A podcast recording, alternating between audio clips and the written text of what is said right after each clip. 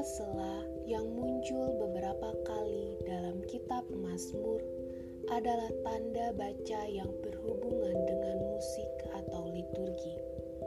Dianggap sebagai tanda istirahat, jeda dalam musik untuk menandai peralihan dalam tema atau komposisi. Di dalam kehidupan, kita juga memerlukan waktu untuk istirahat, diam, dan melakukan jeda, berhenti, dan merenung. Bukan berhenti tanpa aktivitas apa pun, tetapi beristirahat dengan mengoreksi diri.